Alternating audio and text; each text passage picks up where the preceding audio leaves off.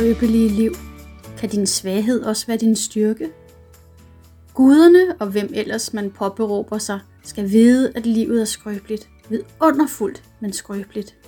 Ting kan ændre sig på et splitsekund, og verden ser anderledes ud. Jeg har haft min del af sorger og udfordringer i mit liv. Ting, der har været med til at forme mig, styrke mig og på godt og ondt, gøre mig til den, jeg er i dag.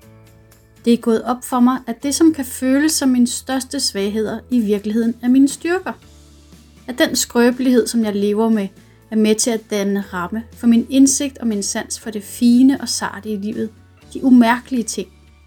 De ting er så også dem, som kan være med til at gøre mig ked af det.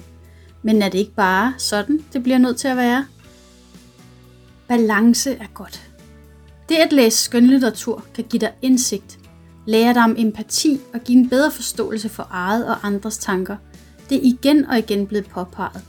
At få indsigt i andre menneskers tanker og bevæggrunde kan være katalysator til at tage et kig på eget liv. Måske få gjort lidt hovedrent i følelser, men i hvert fald forsøge at tage sig den tid, det kræver at skabe balance.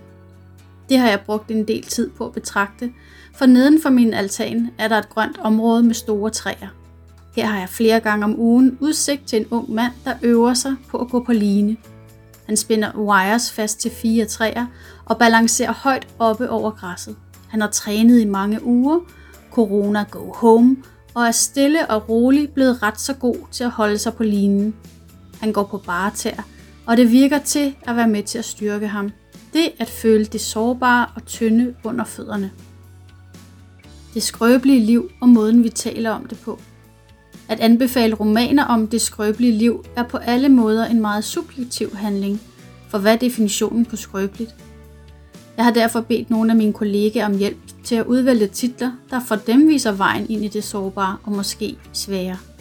Det fik jeg hjælp til, hvilket man nærmest altid gør, når man spørger. For hjælp altså.